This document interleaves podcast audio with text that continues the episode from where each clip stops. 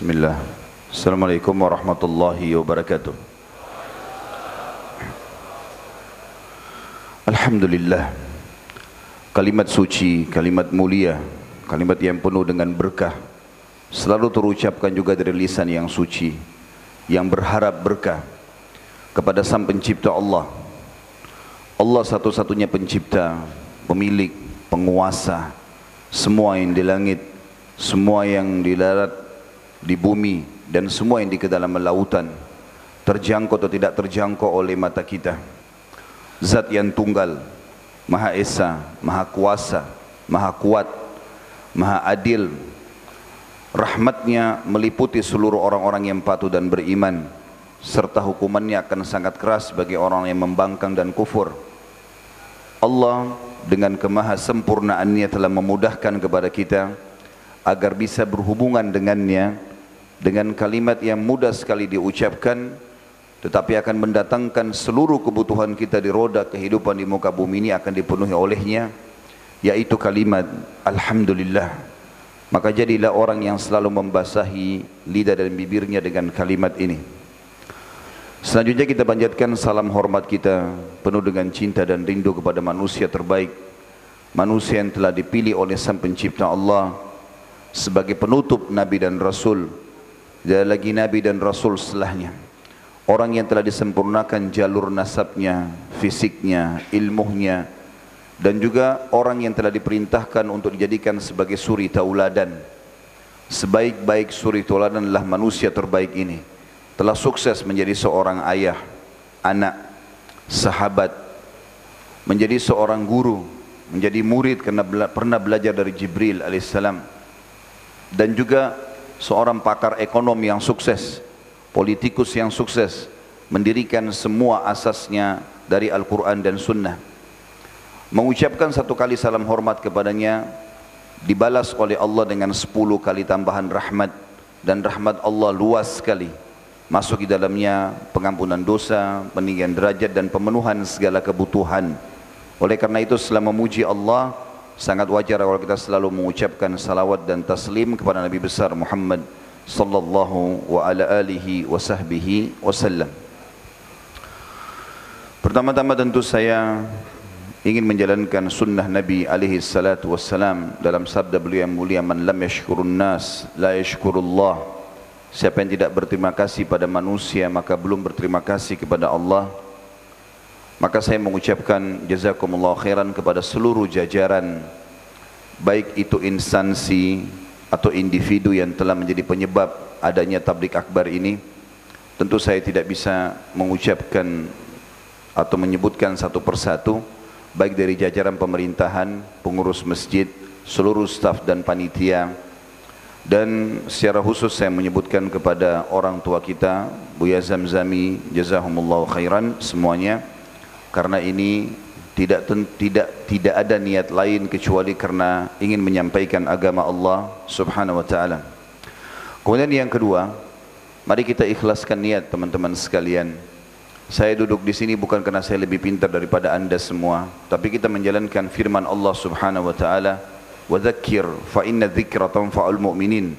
Saling menasihatilah, mengingatkanlah karena itu akan sangat bermanfaat bagi orang-orang beriman. Juga sabda Nabi yang mulia alaihi salatu wassalam ad-dinun nasiha. Agama ini memang semua isinya nasihat. Maka kita tidak perlu melihat siapa yang menyampaikan tapi apa yang disampaikan. Kalau sesuatu yang bermanfaat apalagi berlandaskan wahyu Al-Quran dan Sunnah ambillah dan amalkan. Kalau sesuatu yang tidak baik maka tolaklah dan tinggalkan. Dalam menerima ilmu ini saudaraku seiman butuh asas yaitu ikhlas. Mari kita ikhlaskan niat kita. Saya pribadi menyampaikan materi dan teman-teman yang hadir di sini karena Allah tidak akan menerima amal kecuali yang ikhlas karenanya. Kata Nabi sallallahu alaihi wasallam, "Inna Allah la yaqbalu amalan illa ma kana khalisan liwajhi." Hadis sahih riwayat Abu Daud. Allah tidak akan menerima amal kecuali yang ikhlas karenanya. Yang kedua selain ikhlas adalah marilah kita mengejar pahala majelis ilmu. Terlalu banyak keutamaan yang bisa dikejar. Sebuah hadis yang dihasankan oleh Baihaqi yang kata Nabi SAW siapa pun yang keluar ingin menuntut ilmu ikhlas karena Allah maka akan diberikan untuknya pahala haji lengkap belum lagi hadis-hadis yang sahih riwayat ahli sunan yang kata Nabi SAW kalau orang berkumpul di rumah-rumah Allah untuk menuntut ilmu maka pada saat mereka bubar para malaikat akan berkata bubarlah dalam kondisi dosa-dosa kalian diampuni.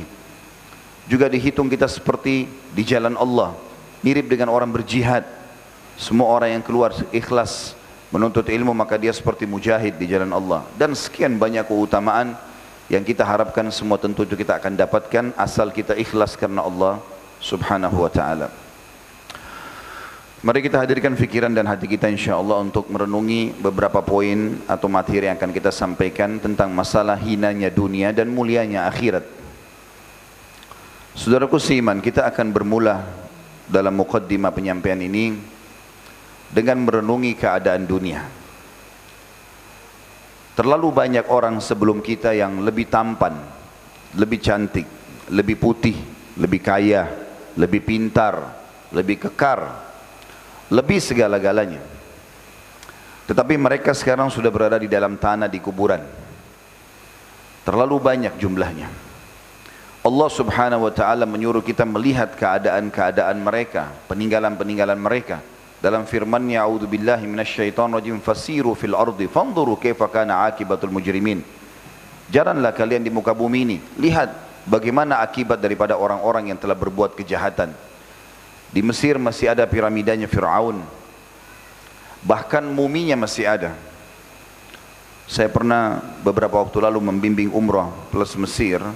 Kemudian kami mengunjungi museum. Dan ada muminya Fir'aun. Yang diduga dialah yang ditenggelamkan oleh Allah subhanahu wa ta'ala pada saat itu. Oleh para ilmuwan dan ditemukan memang jasad itu. Tingginya tidak terlalu tinggi, biasa saja. Bahkan badannya sudah sangat kecil karena kulitnya mengeriput. Tapi masih bisa terlihat utuh rambutnya bahkan masih tumbuh. Salah satu jemaah sempat berbicara di sebelah saya membisikkan Ustaz ini Fir'aun yang dulu mengaku sebagai Tuhan. Saya bilang iya inilah orangnya. Menurut penelitian ilmuwan ilmiah inilah orangnya. Dan Al-Quran sudah menceritakan memang masalah itu Begitu juga dengan habislah ceritanya. Orang cuma mengenang, oh ada orang namanya Fir'aun, oh ini singgasananya, oh ini bajunya, oh ini dulu bentuk uh, roda uh, keretanya, inilah piramida tempat dia mandi, tempat dia uh, dijadikan sebagai simbol kuburan dan dewa-dewa yang mereka sembah pada saat itu. Juga kalau kita ke arah Asia, kalau Mesir, kalau Fir'aun ada di Afrika, di Asia juga ada peninggalan Namrud, kerajaan yang telah Allah Subhanahu taala hancurkan karena bangkang terhadap risalah Nabi Ibrahim alaihissalam masih ada semuanya bentuk-bentuk istanahnya, peninggalan-peninggalan mereka, uang-uangnya, bahkan tempat mandi, tempat ini, segala macam hal. Kalau kita menuju ke timur tengah, kita akan temukan ada Madain Saleh, tempatnya Nabi Saleh alaihissalatu wassalam, yang tepatnya kaum Thamud. Allah subhanahu wa ta'ala binasakan. Tidak jauh dari situ ada tempatnya kaum Ad dan Iram. Kaum Ad ini kaumnya Nabi Hud yang Allah Subhanahu wa taala juga binasakan. Kalau kita ke arah Jordania di utara jazirah Arab kita akan temukan ada laut mati tempat kaum Lut dibinasakan dan sekian banyak Allah Subhanahu wa taala meninggalkan kepada kita bekas-bekas orang-orang yang telah berjaya sebelum kita. Dari orang-orang yang mujrim, orang yang jahat, Begitu juga Allah subhanahu wa ta'ala tinggalkan bekas orang-orang yang patuh dan saleh. Selamatnya Nabi Musa AS dan celakanya Fir'aun. Selamatnya Nabi Ibrahim AS dan celakanya Namrud. Selamatnya Nabi Salih AS dan celakanya kaum Thamud. Selamatnya Nabi Hud AS dan celakanya kaum Ad. Selamatnya Nabi Lut AS dan binasanya kaumnya. Ya, dan sekian banyak pelajaran-pelajaran yang bisa diambil. Yang perlu kita ketahui teman-teman sekalian, roda berputar di muka bumi ini sesuai dengan yang Allah subhanahu wa ta'ala sudah tentukan dan waktunya terbatas. Kebanyakan manusia hanya bersaing di masalah urusan duniawi yang sebenarnya dalam syariat Islam boleh mereka menikmatinya. Dari kebersihan, dari makanan yang enak, pakaian yang bagus, kendaraan yang nyaman, rumah yang nyaman, itu boleh dianjurkan dalam bahkan dianjurkan dalam syariat. Sebagaimana nanti kita jelaskan di penutupan bahasan kita. Tetapi bukan menjadi target utama. Syekh Uthaymin rahimahullah menitipkan sebuah pesan tentang masalah dunia. Menurut saya sangat wajar untuk direnungi. Beliau mengatakan perumpamaan orang mukmin dengan dunia ini itu seperti orang yang masuk ke WC menyelesaikan hajatnya. Setelah hajatnya selesai maka dia tinggalkan masalah itu. Dia tidak akan berlama-lama di sana. Artinya dunia ditunggangi untuk kebutuhan akhirat. Seorang mukmin wajib yakin rukun iman yang kelima tentang adanya akhirat. Ada kehidupan abadi di sana. Dan dunia ini ditunggangi untuk lewat saja. Dan cukup banyak dalil akan kita sebutkan nanti insya Allah berhubungan dengan masalah itu. Oleh karena itu teman-teman sekalian, sering lewatin kuburan dan lihatlah batu nisan dan tanah itu. Kalau yang kita lihat batu nisan sama tanah dan kita hanya sekedar lewat tidak mengambil pelajaran sayang sekali. Di dalam tanah dan liang lahat itu, batu di bawah batu nisan itu ada orang yang seperti kita, manusia. Mereka juga punya angan-angan seperti kita dulunya. Mereka punya angan-angan waktu kecil suka bermain-main, kemudian mulai beranjak dewasa ingin menikah, kemudian ingin punya anak, kemudian ingin bekerja, punya pendapatan, ingin dikenang dan punya nama baik di dunia, macam-macam prestasi yang dikejarkan. Toh mereka sudah masuk ke liang lahat itu. Dan semua apa yang dia lakukan akan ada pertanggungjawaban. Allah subhanahu wa ta'ala mengingatkan kita tentang masalah dunia ini dalam banyak firmannya. Di antaranya adalah disebutkan dalam surah Al-Hadid ayat 20. A'udzu billahi minasyaitonir rajim. I'lamu. Ketahuilah, pelajarilah, renungilah annamal hayatud dunya la'ibun wa lahu Kehidupan dunia yang kalian lalui ini permainan saja dan senda gurau. Maksudnya waktu yang akan berlalu. Wazinatun wa tafakhurum bainakum wa takathurun fil amwali wal aulad. Dan isinya kebanyakan orang saling berbangga-bangga satu sama yang lain tentang banyaknya harta dan keturunan. Katamu, berapa anakmu, berapa hartamu, apa yang kamu kerja? Pertanyaan berputar di situ aja terus kalau urusan dunia itu. كمثل غيث أعجب الكفار نباته ثم يهيج فتراه مصفرا ثم يكون حطاما Perumpamaan dunia yang orang tidak faham bagaimana dia melaluinya seperti mirip orang-orang kafir mereka tidak punya tujuan hidup tidak ada targetnya akhirat. Mereka juga tidak kenal mana halal dan haram tidak tahu mana yang boleh dan mana tidak boleh. Maka Allah subhanahu wa ta'ala perumpamaan orang-orang seperti ini seperti para petani yang kagum dengan tanaman-tanaman tanam-tanaman yang mereka sudah tanam dan sudah mulai sampai sampai pada puncak akan panen. Lalu kemudian menguninglah daunnya, sempat dia indah. Pada saat menguning, buah mulai matang, bagus kelihatan. Tapi setelah itu kata Allah SWT, dia akan mengering dan rusak. Wa fil akhirati adabun syadidun maghfiratun minallahi wa ridwan dan nanti kalian akan menuju ke akhirat dan di akhirat itu akan ada siksaan yang pedih bagi orang yang jadikan dunia seperti itu. Dan juga akan ada pengampunan dan kasih sayang dari Allah tentu bagi orang-orang yang mematuhi Allah dan beriman. Wa mal hayatud dunya illa mata'ul ghurur.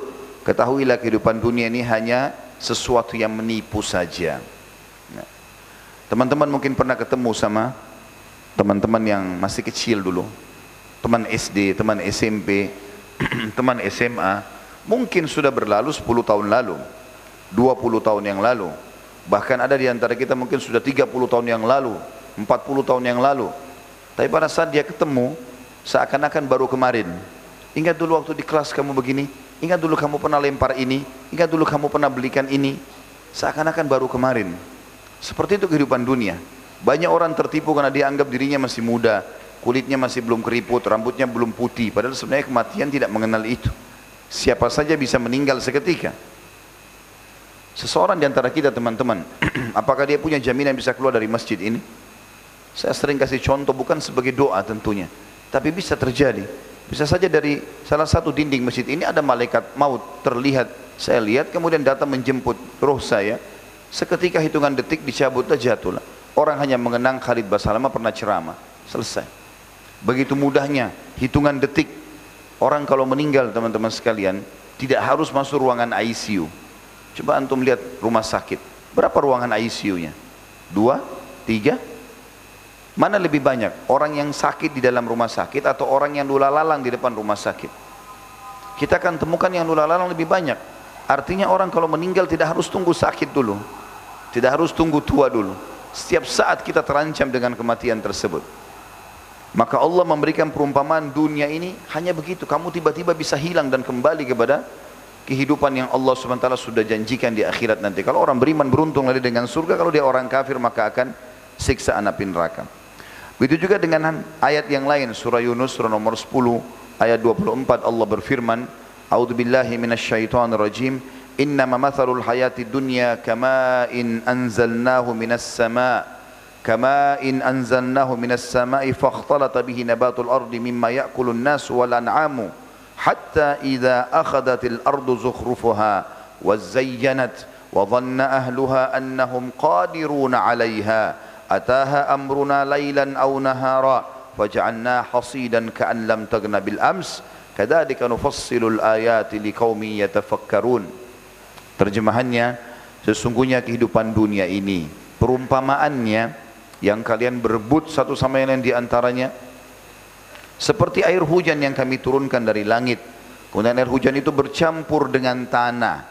Kemudian hiduplah dari tanah itu tumbuh-tumbuhan yang darinya manusia memakan dan hewan-hewan darinya sampai akhirnya pada saat bumi itu sudah berwarna yang cerah sudah tumbuh segala macam hal-hal yang diinginkan dan diharapkan dan para penduduknya mengira bahwasanya mereka mampu untuk panen maka bisa saja tiba-tiba datang perintah kami di malam atau di siang hari. Lalu kami binasakan dan kami jadikan seakan-akan belum pernah ada sebelumnya. Begitulah kami merincikan ayat-ayat kami bagi kaum yang mau berfikir. Berapa banyak teman-teman sekalian petani sudah akan panen?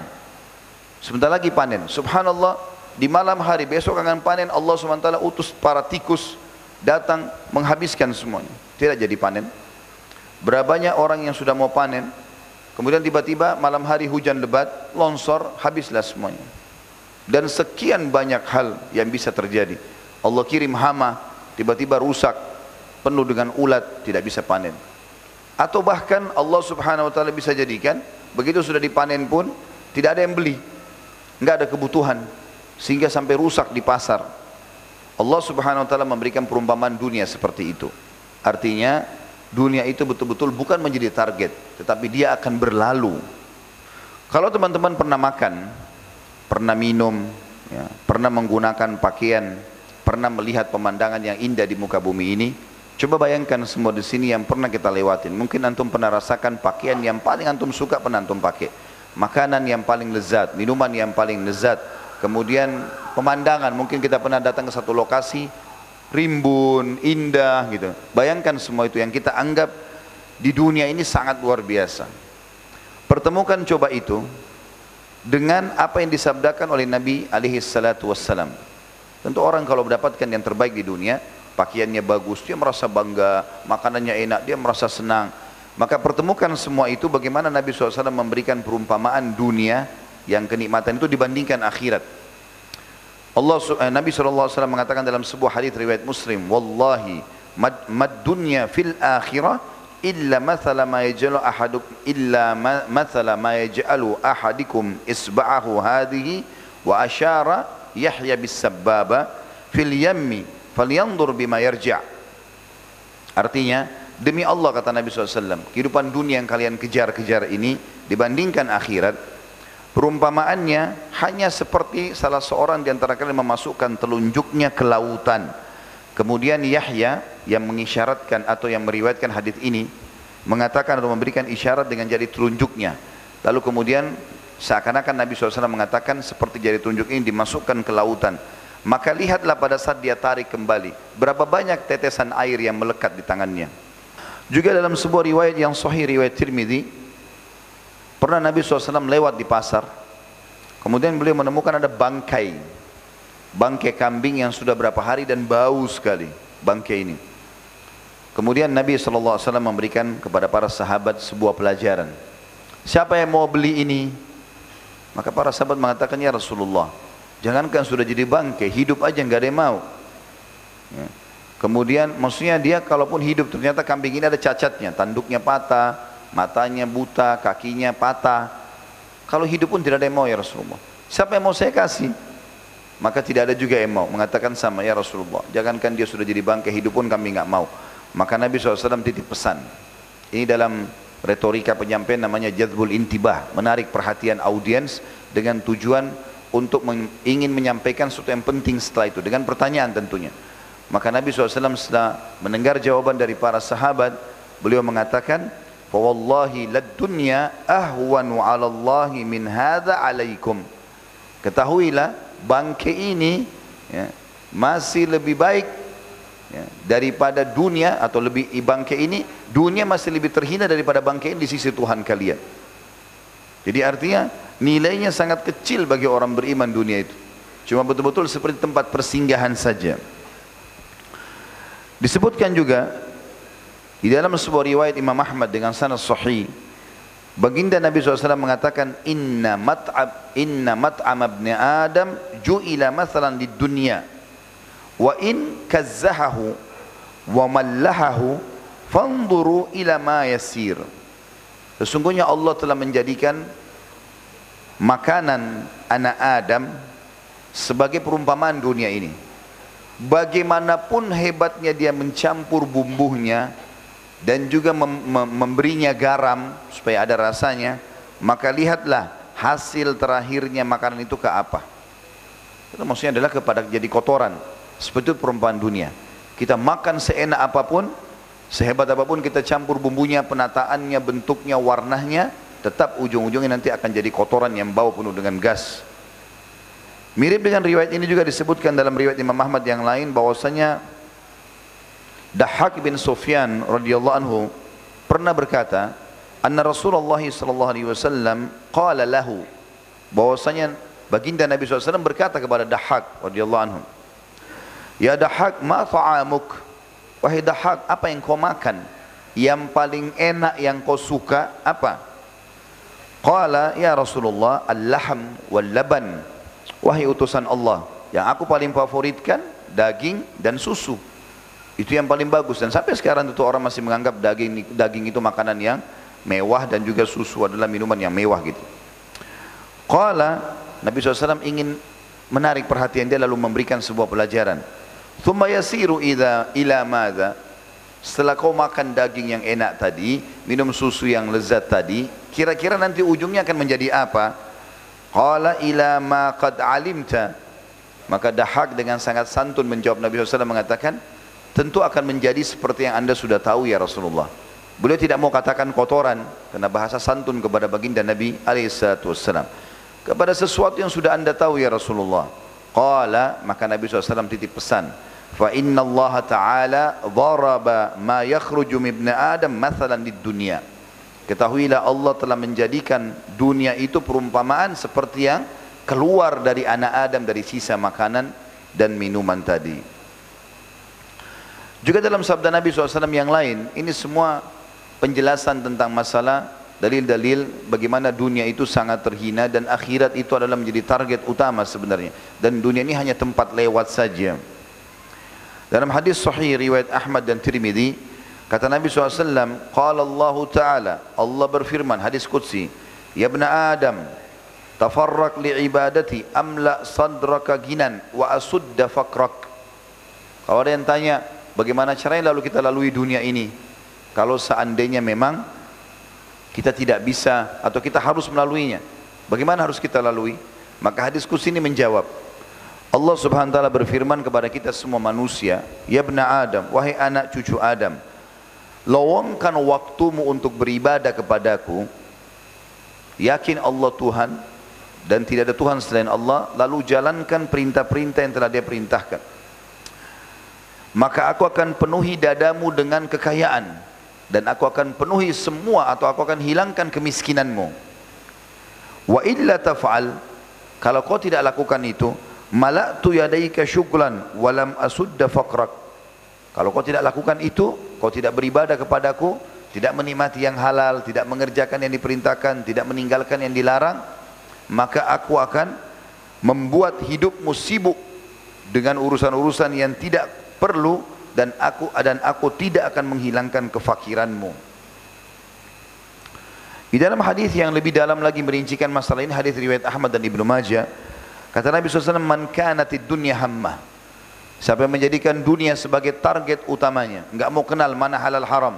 Enggak mau tahu ada hisap atau tidak hari kiamat. Siapa yang menjadikan dunia sebagai target utamanya. Farraqallahu alaihi amrah. Allah akan sibukkan dia atau pecah belahkan perkara-perkaranya. Tidak ada yang selesai. Ini belum selesai ada masalah lain. Ini belum selesai masalah lain. Wa ja'ala faqrahu baina ainai dan Allah jadikan kemiskinan di antara atau di depan matanya. Ada orang subhanallah teman-teman sekalian, pendapatannya sudah 30 juta, 20 juta per bulan. Tapi kita temukan tidak pernah sama sekali dia mengucapkan Alhamdulillah, selalu kurang saja. Karena dia menjadikan dunia sebagai targetnya. Sehingga dari kekayaan lain, kekayaan ini, kekayaan, ini kepada kekayaan yang lain. Dari perempuan ini ke perempuan yang lain, dari mobil ini ke mobil yang lain. Tidak ada sedikit pun yang dia merasakan sebuah nikmat itu. Semuanya kurang. Walam ya'tihi minad dunya illa ma kutibalah dan tidak akan walaupun dia berusaha membanting tulang bekerja keras dia juga tidak sadar ternyata yang datang pada dia adalah sesuatu yang sudah dicatatkan bagi dia saja tidak akan lebih daripada itu di Lauhul Mahfuz sudah ditentukan takdir rezekinya.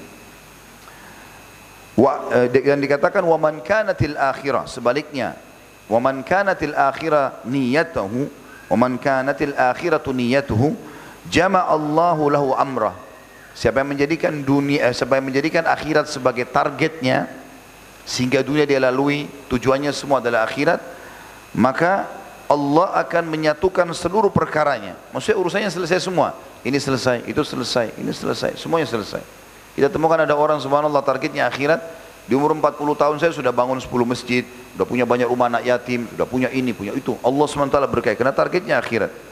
Wa ja'ala ginahu fil. Dan Allah jadikan rasa kaya itu sifat kaya dalam hatinya.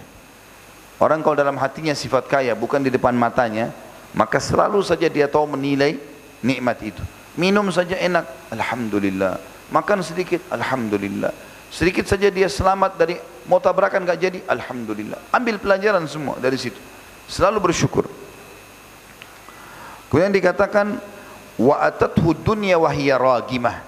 Dan orang yang seperti ini pasti dunia akan datang kepadanya dalam kondisi terhina.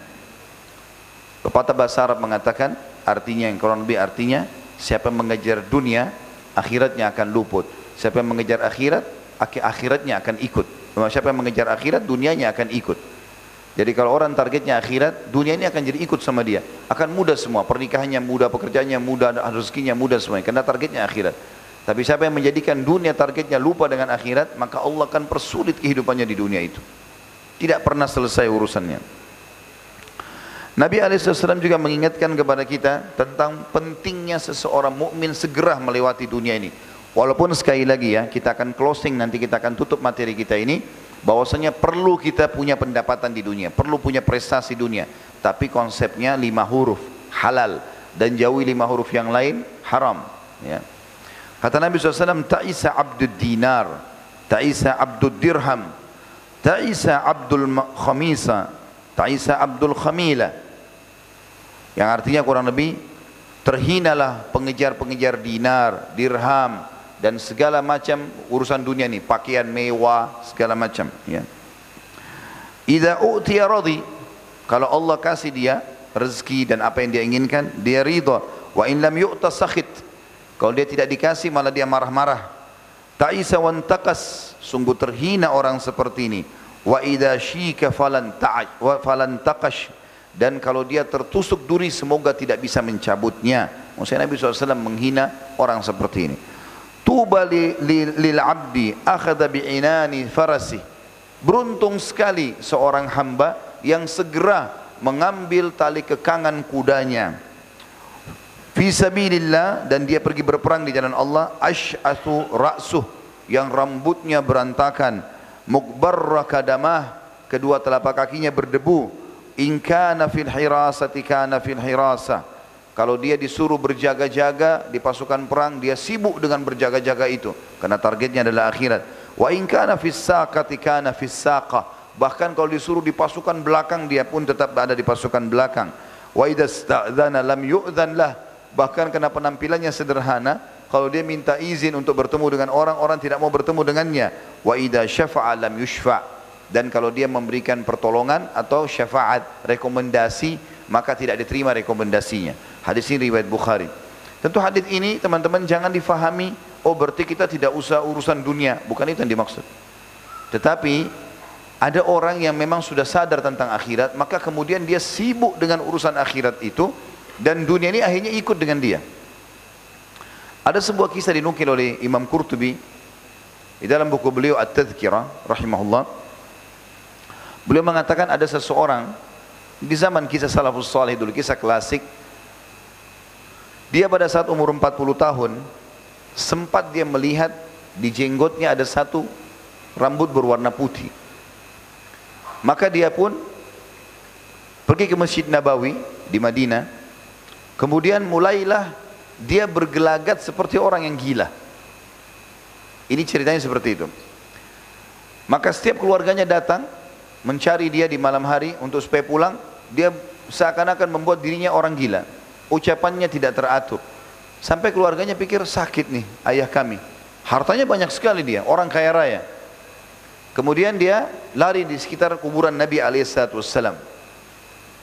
Begitu terus setiap hari. Akhirnya keluarganya memikir, pikir mungkin ini sudah gila ayah kami. Jadi setiap hari mereka cuma bawa makanan, mereka bawa baju ganti, dia ganti bajunya. Ini berjalan sekian tahun, hampir 20 tahun berjalan seperti itu keadaannya. Maka yang terjadi ada seorang datang dari negeri Irak pada saat itu, ingin sholat di masjid Nabi alaihissalam, menziarahi kubur beliau alaihissalam, Begitu dia masuk ke masjid dengan hikmah Allah Subhanahu wa taala dia lihat orang ini. Orang ini rupanya kalau ada yang ngajak ngomong dia langsung keluarkan kata-kata omongan seakan-akan orang yang bu, orang yang gila.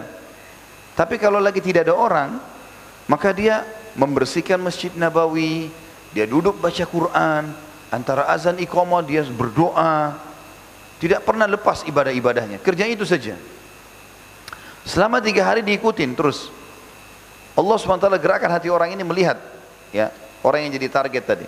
Dan setiap malam dia selalu keluar ke Baki, ke kuburan Baki, kuburan para sahabat ridwanullahi alaihim. Kemudian dia merenung di situ sambil dia ucapkan kalimat.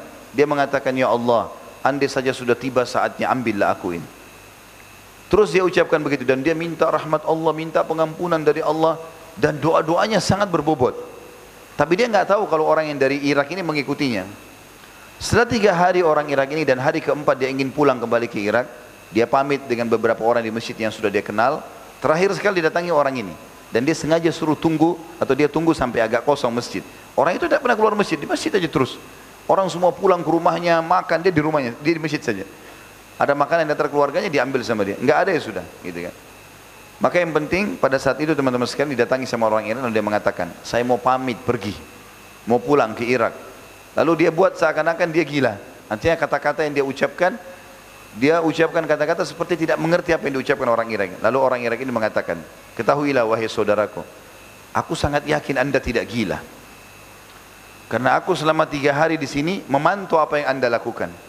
Anda hanya melakukan kegiatan ini karena ada tujuan tertentu.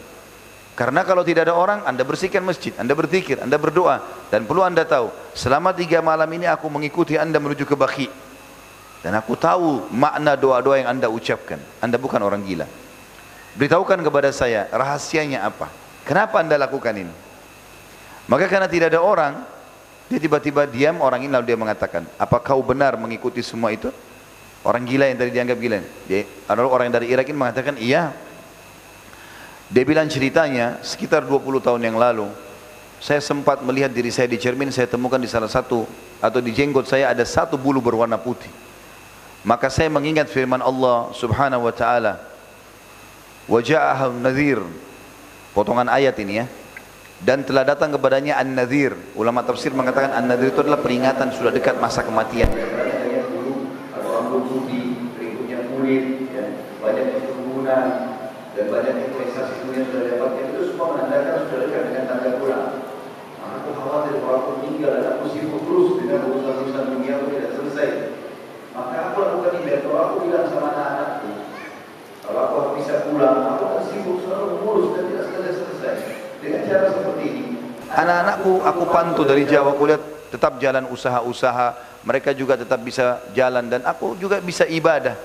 Maka dengan cara seperti ini aku selamatkan diriku. Artinya ini ijtihad dari orang ini. Tapi bagaimana orang ini segera mengambil langkah yang terbaik? Mirip dengan makna hadis tadi. Artinya ada orang berijtihad segera menuju ke akhirat apalagi di batas umur tertentu apalagi di atas 40 tahun sudah tujuannya akhirat semuanya. Ya. Mirip dengan hadis tadi, sungguh beruntung kata Nabi SAW, orang yang mengambil tali kekangan kudanya, lalu dia picu menuju ke jalan Allah, rambutnya sampai berantakan tidak terurus lagi, ya, kakinya penuh dengan debu, tapi dia tetap berjihad, dia ber, me, me, mengejar pahala untuk menuju ke akhirat sana, maka itu sudah beruntung orang seperti ini. Beruntung artinya ada arti kata, dia sudah mengisi urusan untuk akhiratnya. Kemudian juga sabda Nabi SAW di dalam hadis riwayat Muslim, Yaqulu ibn Adam kata Nabi SAW Anak Adam banyak yang suka berkata Mali, mali Hartaku, hartaku Dia bangga dengan hartanya. Nah, Ini mobilku, ini rumahku ya. Ini, ini, ini itu Semua dibangga-banggakan. Ini sepatuku, ini tasku. Maka kata Nabi SAW Wahallaka ya ibn Adam min malika illa ma akalta fa'afnait Apa yang kau banggakan wahai anak Adam dari hartamu? Hartamu cuma berada di salah satu dari keadaan ini Kau beli makanan, kemudian selesai. Akan jadi kotoran dan sedikit jadi energi buat untuk kau hari itu. Aulabista fa'ablait. Atau kau beli pakaian dan nanti juga kusang baju itu. Au tasaddaqta fa'amdait. Atau kalau kau cerdas, kau akan bersedekah dengannya, maka kau akan panen nantinya. Mirip dengan hadis itu riwayat Imam Muslim yang kata Nabi sallallahu alaihi wasallam yaqulul abd hamba banyak yang berkata mali mali hartaku hartaku. Innama lahu min malihi thalath. Sebenarnya sebenarnya hartanya cuma ada tiga keadaan saja enggak lebih daripada itu. Ma'akala fa'afna apa yang dia sibuk beli makanan? Kita tahu kalau kita terima gaji terima keuntungan yang dipikirkan pertama makanan. Makanan apa nih? Restoran mana yang kita mau makan? Nabi SAW sudah kasih gambaran seperti itu. Orang beli makanan tapi akan habis makanan itu. Awla bisa fa'abla atau dia beli baju dan dia berbangga-bangga dengan baju baru tapi juga akan kusang dan rusak baju itu. Au a'ta faktana. Atau dia memberi dia berbagi dia bersedekah maka beruntunglah dia. Wa ma siwa dzalika fahuwa wa tarikun linnas. Dan selain daripada itu maka akan dia tinggalkan buat manusia. Kita perlu teman-teman sekalian merenungi beberapa wasiat Nabi SAW. Dari tadi itu semua adalah dalil-dalil tentang masalah dunia dan akhirat ini. Sebelum saya pindah ke uh, wasiat Nabi SAW tentang bagaimana kita harus melalui dunia ini. Tentu tadi semua itu adalah wasiat Nabi SAW juga. Tapi ada poin-poin penting yang kita yang Tadi semua saya jadikan sebagai dalil tentang dunia itu seperti apa dan akhirat juga seperti apa. Hasan Basir pernah ditanya oleh seseorang dalam majlis beliau, Wahai imam, kalau imam kita sekarang guru, kiai ya. Jelaskan kepadaku perbandingan antara dunia dan akhirat. Hasan Basri tadinya lagi duduk santai tiba-tiba duduk serius lalu mengatakan tentang apa yang kau tanyakan perbandingannya? Dunia dimulai dengan tangisan dilalui dengan cobaan lapar haus gangguan orang dan diakhiri dengan tangisan. Dia kalau baru lahir dia nangis, kalau dia meninggal ditangisi. Sementara akhirat dimulai dengan kebahagiaan. Pada saat orang mukmin meninggal, dia lihat surganya, kebahagiaan dan akan selamanya bahagia. Bagaimana bisa kau bandingkan antara dunia dan akhirat ini? Dan Allah Subhanahu wa taala berfirman dalam Al-Qur'an, "A'udzubillahi minasyaitonir rajim, walal akhiratu khairun wa abqa." Ketahuilah bahwasanya akhirat itu jauh lebih baik dan jauh lebih kekal. Juga dalam firman Allah yang lain, walal akhiratu lahiyal hayawan dan kehidupan akhirat itulah yang akan kekal selama-lamanya. Wasiat Nabi SAW untuk kita teman-teman sekalian masalah dunia ini, kata beliau dalam hadis Bukhari, kun fid dunya ka'annaka gharibun aw abiru sabil. Lalui dunia ini, silahkan makan, minum, menikah, punya keturunan, kejar prestasi dunia ini, tapi jadikan dirimu seperti orang yang asing atau orang yang lewat saja bukan menjadi target utama.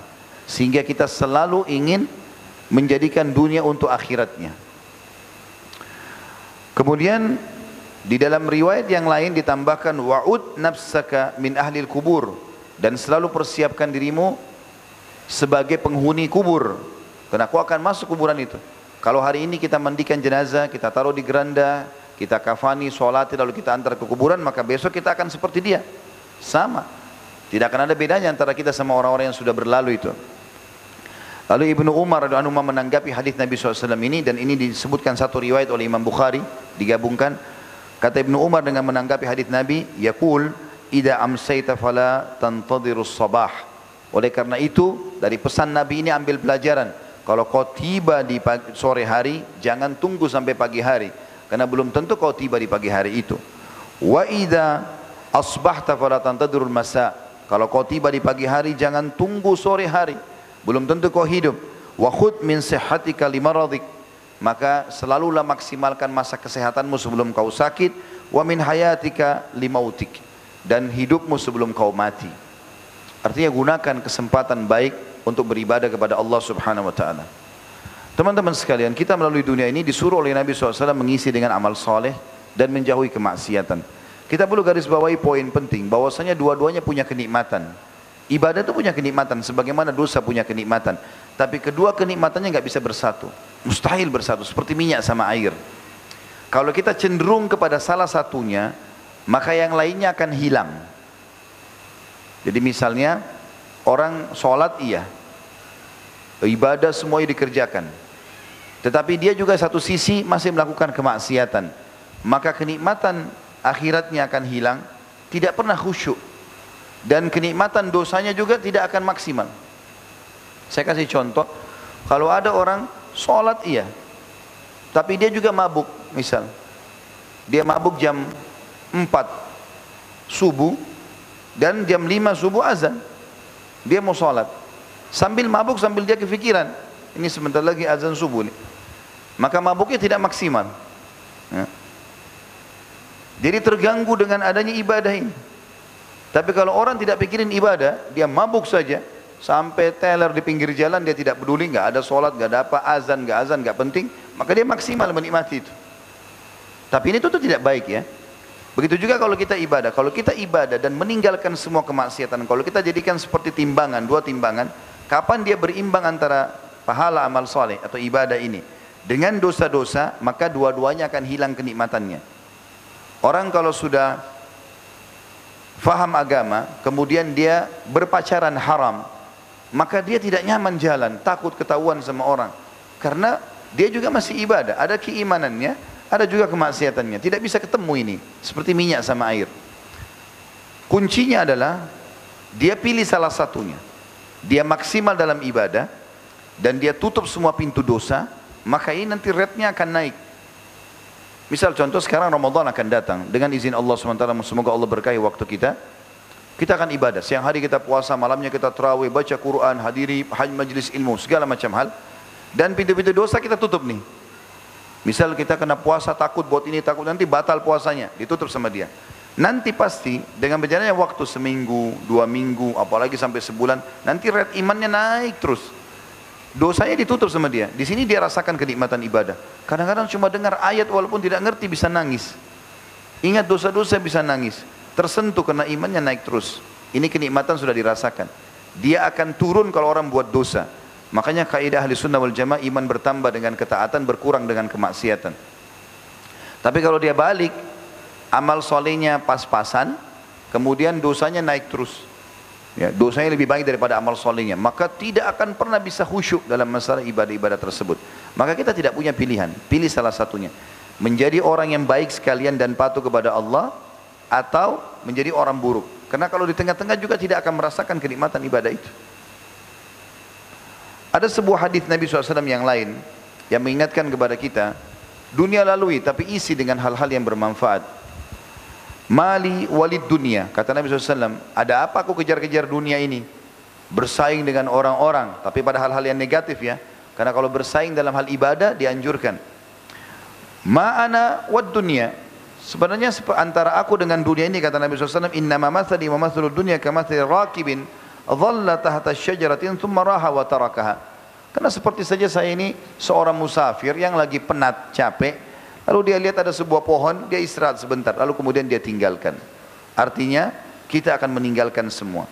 Kalau kita meninggal teman-teman sekalian, orang hanya mengenang, oh ini rumahnya, si fulan, oh ini sepatunya, oh ini motornya, oh ini mobilnya. Sehari, dua hari, tiga hari, seminggu, habis itu sudah tidak ada lagi.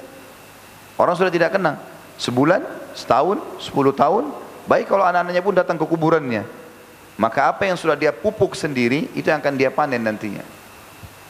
Ali bin Abi Thalib mempunyai statement yang menarik dalam masalah ini. Beliau mengatakan, Irtahalatid dunya mudbirah. Ketahuilah dunia ini sudah pergi sebenarnya. Karena umurnya tinggal sedikit. Dari dulu sebelum kita lahir dunia ini sudah ada. Umurnya akan habis. Wartahalatil akhirah mukbilah.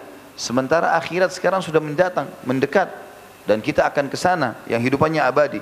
Walikulli wahidatin minhuma banun. Dua-duanya punya keturunan. Ada anak-anaknya. Fakunu min abna'il akhirah. Maka jadikan diri kalian anak-anak akhirat. Yang mau menyambut masa depan. Bukan sibuk dengan hal yang ada sekarang. Wala takunu min abna'id dunia karena jangan sampai kalian menjadi dan jangan kalian menjadi anak-anak dunia. Fa innal yawma awalun wala hisab. Karena di dunia sekarang boleh kau berbuat apa saja dan belum ada hisabnya. Belum ada konsekuensi pertanggungjawabannya. Waga dan hisabun wala amal. Tapi besok nanti di akhirat kau akan pertanggungjawabkan semuanya. Ada hisab tapi tidak bisa lagi kau menambah amalmu. Hadis ini sahih diriwayatkan oleh Imam Bukhari. Hasan Basri menitip pesan tentang masalah ini mengatakan, Aku tahu rezekiku tidak akan diambil oleh orang lain. Masalah dunia. Karena itu hatiku selalu tenang. Tidak mungkin ada namanya rezeki kita akan diambil orang lain. Pernah ada seorang anak muda temuin saya di Surabaya habis tablik akbar waktu itu lalu dia mengatakan Ustaz saya ikut proyek sama teman-teman saya enam orang yang saya tahu teman-teman saya yang lima orang ini masih jauh dari ibadah kemudian pada saat kami ikut dalam proyek tersebut, lima-limanya dapat, saya tidak. Sementara saya tahu diri saya sudah ikut pengajian, saya sudah coba bertobat dari saudara saya yang lalu. Saya coba jadi lebih baik. Menurut saya, kacamata saya, saya lebih baik daripada mereka. Bagaimana saya memahami tentang keadilan Allah di sini? Lalu saya jawab, saya dengan kalimat sederhana saya mengatakan, belum rezeki anda. Kalau Allah SWT sudah tentukan, maka tentu sudah sampai kepada orangnya. Kalau rezeki kita, tidak akan ke mana-mana, akan sampai ke mulut kita. Kadang-kadang kita cuma mengatakan enak ya makan ini, tiba-tiba ada tetangga yang mengirimnya. Kita lagi makan di restoran, tiba-tiba saja ada yang traktir. Kita orang tua kita yang bekerja setengah mati, lalu kita, beliau meninggal, kita dapat warisannya. Ya, rezeki sampai kepada seseorang. Bahkan kata Nabi SAW, tidak akan meninggal seseorang sampai seluruh rezekinya diberikan kepadanya. Hasan Basri bilang, melalui dunia ini, aku selalu senang. Karena aku tahu rezekiku tidak akan diambil oleh orang lain. Karena itu hatiku tenang, Aku tahu amalku tidak akan dikerjakan oleh orang lain. Tidak mungkin dicatat di buku amal, sholat, puasa dari orang lain. Karena itu aku sibuk beramal saleh. Aku tahu Allah Taala selalu memperhatikanku. Karena itulah aku malu jika Allah melihatku dalam maksiat. Aku tahu kematian sudah menungguku. Karena itulah aku selalu menambah perkara untuk akhir atau hari pertemuanku dengan Allah. Kalau beliau mengatakan jauhi dunia ini. Boleh lewatin tapi jauhi, jangan jadi target utama. Karena ia seperti ular mulus pada sentuhan, kulitnya mulus. Ya, kalau disentuh tangan, jauhilah dunia ini karena ia seperti ular mulus pada sentuhan tangan, tetapi racunnya bisa membunuh. Jika beliau mengatakan dunia ini selalu dimulai dengan tangisan dan akan diakhiri dengan tangisan. Teman-teman sekalian, Nabi SAW pernah diwasiatkan oleh Jibril. Wasiat yang baik sekali. Dan ini hadis hadis sahih uh, hadis Hasan riwayat Al Hakim. Nabi SAW mengatakan, Atani Jibril faqal. Jibril pernah datang kepadaku lalu berkata, Ya Muhammad, ish ma syi'ta fa innaka mayyitun. Hidup sesukamu hai Muhammad, toh juga kau akan mati nanti. Wa ahbib ma syi'ta fa innaka mufariquh. Cintai siapa saja yang kau mau, toh juga kau akan berpisah dengannya. Wa'mal ma berbuat sesukamu, fa innaka muajziyun bihi. Karena kau akan dibalas sesuai dengan perbuatanmu. Kalau baik, ya kau dapat yang baik. Kalau buruk, maka kau akan dihukum. Wa'lam anna syarafal mu'min kiyamuh. Ketahuilah justru kemuliaan orang mukmin bisa dinilai dari solat malamnya. Wa izzuhu istighna'u anin nas. Dan justru juga kemuliaan hidupnya kalau dia berlepas diri dari bergantung pada manusia. Kalau kita bermuamalah di dunia ini teman-teman sekalian bermuamalah semua karena mencari ridho Allah. Karena kalau seandainya kita mencari ridho manusia, maka Allah bisa balik keadaan. Ada orang sudah tahu ini haram, tetapi bagi dia yang penting atasan saya suka, yang penting mertua saya suka, istri atau suami saya suka, nggak masalah. Yang penting saya langgar, melanggar agama pun tidak ada masalah. Dan ini berbahaya. Dia tidak sadar Allah bisa membalik keadaannya. Yang tadinya dia buat ingin manusia itu ridho dan dia dapat manfaat dari itu maka Allah balik keadaan tiba-tiba orang itu bisa jadi musuhnya selama itu adalah perbuatan dosa kepada Allah itu yang Nabi SAW menyebutkan di dalam hadisnya man ardan nasa bisakhatillah Siapa yang membuat manusia ridho tapi pada sesuatu yang Allah murkahi, wakalahu Allahu ilan nas. Allah akan buat dia bergantung pada manusia. Wakalahu ilan nas, kata ulama hadith adalah Allah gantungkan dia pada manusia atau Allah akan selalu buat dia bergantung, mengemis dan minta-minta. Waman askhatan nas biridallah dan siapa sebaliknya membuat manusia marah tapi karena Allah ridho dengan perbuatan tersebut tetap aja dia komit menjalankan kafahullahu ma'unatan nas atau mu'natan nas maka Allah akan buat dia terlepas daripada ketergantungan pada manusia itu hadis sahih diriwayatkan oleh Hibban. Juga seseorang berkata dari sahabat kita ya Rasulullah ayyul mu'minuna aki afdal? Orang mukmin apa yang paling afdal selama hidup di dunia ini? Maka faqal ahsanum khuluqa. Orang yang paling baik akhlaknya santun ramah dan seterusnya. Qala fa ayyul mu'minina akyas Lalu orang mukmin siapa yang paling cerdas? Qala aktsaruhum lil mauti dzikra. Orang yang paling banyak mengingat kematian wa ahsanuhum liman ba'dahu isti'dada dan yang punya persiapan yang sangat baik setelah kematian itu. Ulaikal akyas. Orang itulah orang-orang yang cerdas. Riwayat Ibnu Majah dengan sanad hasan. Teman-teman sekalian, kita lalui dunia ini silahkan. Kejar prestasi terbaik karena itu bagian daripada agama. Tapi konsepnya halal. Kita boleh makan yang terbaik, minum yang terbaik, kita pakai pakaian yang terbaik, kejar dunia ini. Cari pasangan yang terbaik, punya keturunan, apa saja, menjaga nama baik, semuanya itu bagian daripada syariat. Tapi bukan jadi target. Karena ini dibolehkan dalam syariat. Bahkan Allah Subhanahu wa taala mengatakan atau berfirman dalam surah Al-Qasas Surah nomor 28 ayat 77. A'udzu billahi minasyaitonir rajim wabtaghi fima ataka Allahu daral akhirah wa la tansa nasibaka minad dunya. Al-ayat. Kejarlah apa yang Allah janjikan di akhirat sana. Semua surga bidadarinya, bidadarahnya, pakaian sutranya, istanahnya, kebun-kebunnya, permadaninya, semua kejar dan jangan lupakan bagianmu dari dunia. Boleh dunia ini tapi untuk akhirat. Kita perlu faham juga teman-teman di sini ada poin penting saya ingin titip beratkan. Banyak orang salah faham, begitu sudah faham atau membaca dari diri seperti tadi, mereka anggap sudahlah kalau gitu, dunia tidak usah kita nikmati. Biarkan saja kita pakai sendal putus atau tidak pakai sendal, bajunya kotor, penampilannya kotor, jorok, ya. Badannya bau, kendaraannya acak-acakan, semuanya rumahnya kalau kita datang berantakan. Ini pemahaman yang keliru. Bukan ini yang dimaksud. Zuhud itu sebagian orang-orang mendefinisikan salah kata ulama. Mereka mengatakan zuhud meninggalkan dunia untuk akhirat. Kata ulama ini secara zahir seakan-akan baik maknanya. Tapi sebenarnya keliru dalam penempatannya. Kita tidak disuruh tinggalkan dunia. Karena baginda Nabi SAW makan kambing, daging kambing. Dan beliau sangat gemar dengan itu. Bahkan beliau gemar sekali dengan tharid. Dan tharid adalah roti gandum yang ditebari di atasnya kari kambing. Itu makanan favorit Nabi SAW. Beliau menikmati makan kurma dan semangka sambil beliau mengatakan panasnya ini ditunjuk kurma didinginkan dengan dinginnya ini ditunjuk semangka. Lalu ditunjuk semangka dinginnya ini ya dihangatkan atau diimbangi dengan panasnya ini. Beliau makan sallallahu alaihi wasallam. Nabi SAW menggunakan pakaian yang sangat indah dan bagus. Tidak pernah Nabi SAW pakai baju kumuh. Sebagaimana disebutkan di dalam banyak riwayat antaranya hadis Bukhari. Kalau Nabi SAW pernah dihadiahkan baju oleh seorang wanita dan baju itu mantel musim dingin sangat bagus dan Nabi SAW orang yang sangat tampan ya sebagian ulama mengatakan kalau Yusuf AS diberikan sepertiga kekayaan dunia maka Nabi SAW diberikan lebih daripada itu orang kalau melihatnya suka tampan ya bersih putih Nabi SAW untuk dihadiahkan beliau pakai dan semua sahabat di masjid kagum sambil mengatakan di antara mereka yang meriwayatkan hadis kami tidak pernah melihat orang setampan dan seindah Nabi SAW setelah pakai jubah itu Beliau pakai baju yang banget bagus. Ya. Beliau pernah menolak baju satu-satunya waktu Umar bin Khattab tawarkan karena sutra. Dan laki-laki tidak boleh pakai sutra. Ada baju sangat bagus dari sutra. Lalu Umar bin Khattab mengatakan, Ya Rasulullah, tidakkah anda beli baju ini? Lalu kemudian anda pakai pada saat hari Jumat, menyambut tamu, hari raya, Idul Adha, Idul, Adha, Idul Fitri. Maka Nabi SAW mengatakan, tidak kau tahu hai Umar bahwasanya Allah telah mengharamkan bagi kaum laki-laki? Sutra, enggak boleh. Berapa hari kemudian, Nabi SAW mengirim baju sutra yang sama itu, jubah, kepada Umar bin Khattab. Lalu Umar heran, berapa hari lalu Nabi SAW melarang, kenapa sekarang Nabi malah kirim?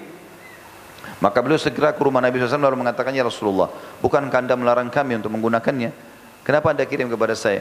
Kata Nabi SAW, aku tidak mengirimnya untuk kau pakai tapi sedekahkanlah gitu kan karena itu haram tidak boleh orang kasih kepada saya sedekahkan saja maka Umar pun mengirim kepada adiknya yang masih kafir di Mekah sampai keluar fatwa sebagian ulama bolehnya memberikan hadiah saudara atau kerabat yang masih kafir karena masalah perbuatan atau diambil dari sikap Umar radhiyallahu anhu ini itu saja Nabi SAW tolak tapi kalau hadiah semua Nabi terima Nabi SAW punya imamah berwarna hijau ada yang berwarna hitam ada yang berwarna ya putih Nabi SAW punya baju, beberapa buah baju yang bagus. Bahkan Nabi SAW memiliki beberapa ekor unta. Ya. Beberapa asar menyebutkan kalau Nabi SAW berpoligami, punya berapa rumah. Di setiap rumah itu ada unta untuk ummahatil mu'minin. Dan kalau unta itu sekarang mobil Alphard, mahal. Gitu kan. Nabi SAW menitipkan di setiap rumah ummahatil mu'minin ada pembantu. Ada pembantu. Dan menggunakan pembantu jasa ada. Bahkan Nabi SAW mengatakan siapa pun di antara kalian yang Allah tundukkan saudara-saudaranya melayaninya maka dia harus berbuat baik pada mereka. Karena sungguhnya Allah telah meringankan pekerjaan kalian melalui tangan-tangan mereka. Maka berilah mereka makan apa yang kalian makan, berilah pakaian apa yang kalian gunakan. Jadi boleh pakai pembantu, gitu kan. Nabi SAW pernah menemukan sendal beliau putus, lalu beliau menjahitnya. Dan beliau juga menerima hadiah sendal lain baru dari para sahabat, gitu kan. Jadi Semuanya ada. Ya. Nabi SAW menikmati masalah itu. Nabi SAW memiliki beberapa sahabat yang membantu beliau. Bukan satu dua orang. Seperti Abdullah bin Mas'ud khusus untuk menyiapkan siwak dan sendal Nabi SAW.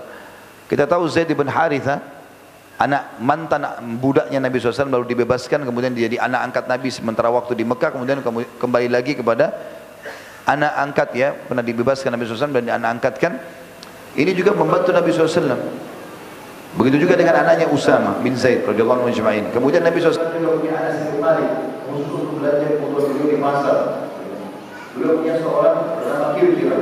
Orang yang berbunyi kita yang khusus mengangkat pelana Nabi SAW di kudanya. Nabi SAW punya banyak pembantu-pembantu yang membantu beliau. Nabi SAW punya beberapa pedang, perisai yang beliau berikan nama masing-masing daripada benda-benda itu. Dan satu sisi yang lain, Nabi SAW mengatakan cintakan kepada dunia kalian ini karena adanya wanita dan minyak wangi. Nabi SAW suka begitu, bukan tidak suka, tapi bukan menjadikan target utama. Maka jangan juga kita tidak boleh ifrat, tidak boleh kafir, tidak boleh berlebihan dalam meninggalkan dunia. Tidak boleh juga kita terlalu mencintai dunia. Dan dunia ini untuk akhirat. Maka Nabi SAW memberikan contoh yang sangat baik di sini. Belum makan makanan yang baik, belum belum kita makan yang baik. Allah mengatakan kita makan yang halal dan thayyibah. Makan yang halal dan thayyib thayyib artinya berkualitas, gitu kan? Maka kita harus tahu makna zuhud yang sebenarnya adalah mendahulukan akhirat dari dunia, bukan meninggalkan dunia. Kalau meninggalkan dunia berarti kita tidak akan pernah lagi melakukan perbuatan-perbuatan yang bisa menikmati dunia ini. Makanya sebagian orang yang salah faham di sini mengatakan kita tidak usah pikirkan dunia, makan roti kering saja. Ya. Tidak usah pakai kendaraan, nanti berlebihan mencintai dunia. Saya pernah masuk di sebuah masjid, itu hari di daerah Surabaya. Waktu saya pas mampir di rumah kakak saya, lalu saya mampir sebuah masjid. Ada seorang berdiri habis sholat, lalu kemudian dia ceramah. Di antara kalimat yang diceramahkan adalah, kita nggak usah terlalu pikir dunia ini. Udahlah, nggak usah pakai baju satu saja cukup, nggak usah begini dan begitu, nggak usah makan yang enak. Jadi banyak hal yang disuruh tinggalkan sama dia. Padahal sebenarnya Allah SWT suruh kita makan yang baik. Allah SWT menyuruh kita menggunakan pakaian yang terbaik. Ada sahabat pernah teman-teman dalam hadis Bukhari, itu di masjid berantakan. Maksudnya kelihatan orang ini berantakan, rambutnya berantakan, pakaiannya biasa. Nabi SAW tanya, kau ini punya sesuatu enggak dari harta? Dia bilang ada ya Rasulullah. Kata Nabi SAW, apa hartamu? Dia bilang saya punya unta, saya punya kuda, saya punya keledai, saya punya domba. Artinya orang kaya gitu kan. Lalu kata Nabi SAW, Kalau begitu, mana kau dari bekas nikmatnya Allah? Inna Allah yuhibbu an yara athara ni'amihi ala abd. Suka, Allah sangat suka melihat bekas nikmatnya pada hambanya. Tidak benar orang mukmin itu kalau sudah faham masalah akhirat kemudian dia pakaiannya kumuh, masjidnya kotor, rumahnya kotor, makannya tidak mau yang enak. Enggak, keliru. Sebagian ulama memberikan gambaran tentang termasuk bentuk syukur kepada Allah adalah kalau seseorang itu menikmati dari dunia selama itu halal dan tidak berlebihan. Misal saya kasih contoh kalau kita masuk supermarket ada anggur harga 200 ribu kualitasnya A bagus. Ada anggur kualitas B harganya 150 ribu. Kita mampu, kita beli yang A dengan niat menikmati apa yang Allah sudah berikan. Itu ada pahalanya sendiri dan dibolehkan. Karena masuk dalam makna thayyibah. Halalan thayyibah. Halal artinya dibolehkan, thayyibah artinya yang berkualitas. Yang bagus gitu. Kita tahu yang dijanjikan oleh Allah, yang dihalalkan oleh Allah SWT daging, daging, daging ini, daging itu. Yang diharamkan sedikit. Misal Allah haramkan babi nggak boleh. Allah sudah perlihatkan babi itu seperti apa ini jangan dimakan ya berbahaya buat kalian. Lalu Allah ganti dengan daging yang lain banyak sapi, kambing, ayam, semua hewan-hewan di air halal. Kita disuruh makan, suruh nikmati itu. Maka perlu difahami makna zuhud di sini supaya tidak salah faham. Ya, bahwasanya kita boleh nikmati dunia. Bahkan kita boleh dalam Islam dan sangat dianjurkan mengejar prestasi terbaik dari harta, dari jabatan, dari uh, prestasi pendidikan. Kalau kita sekarang titel akademik, silahkan kejar yang terbaik. Bahkan itu bagian daripada yang terbaik dalam agama. Pernah uh, Abdullah bin Umar radhiyallahu anhu di umur beliau sudah sangat tua, rambutnya semua putih, alisnya putih, jenggotnya putih. Beliau mengambil bibit kurma kecil Lalu mau ditanam, bibit kurma ini mirip kelapa kalau kita, tumbuhnya lama sekali, gitu kan. Maka beliau tancapkan, sebagian murid-muridnya di sebelah nanya, Wahai Ibnu Umar, semoga Allah selalu menjaga anda. Apakah anda bisa ambil manfaat dari pohon kurma ini? Saya pohon kurma ini sudah lama tumbuhnya dan anda sudah tua.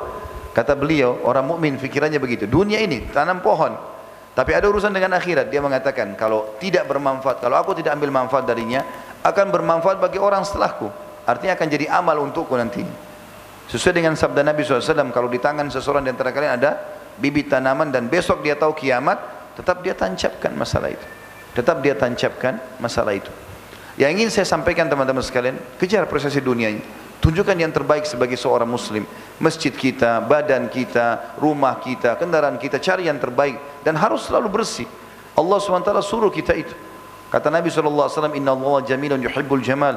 Allah indah, rapi, bersih, suka dengan semua itu.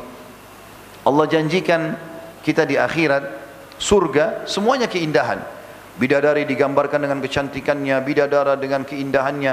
Allah SWT gambarkan mereka seperti permata-permata. Ya, kalau bidadari hurun in, kalau bidadara diistilahkan dengan wildanun mukhalladun. Kemudian juga taman-tamannya, pakaian-pakaiannya, istanahnya dari emas, pohon, segala macam hal, semuanya keindahan. Kita kembali kepada riwayat dunia, pernah ada sahabat juga masuk ke masjid, rambutnya berantakan. Lalu kata Nabi SAW, suruh orang ini keluar. Suruh orang ini keluar dulu. Suruh sisir rambutnya dengan rapi, baru masuk ke masjid. Perhatikan tentang keutamaan sholat Jumat.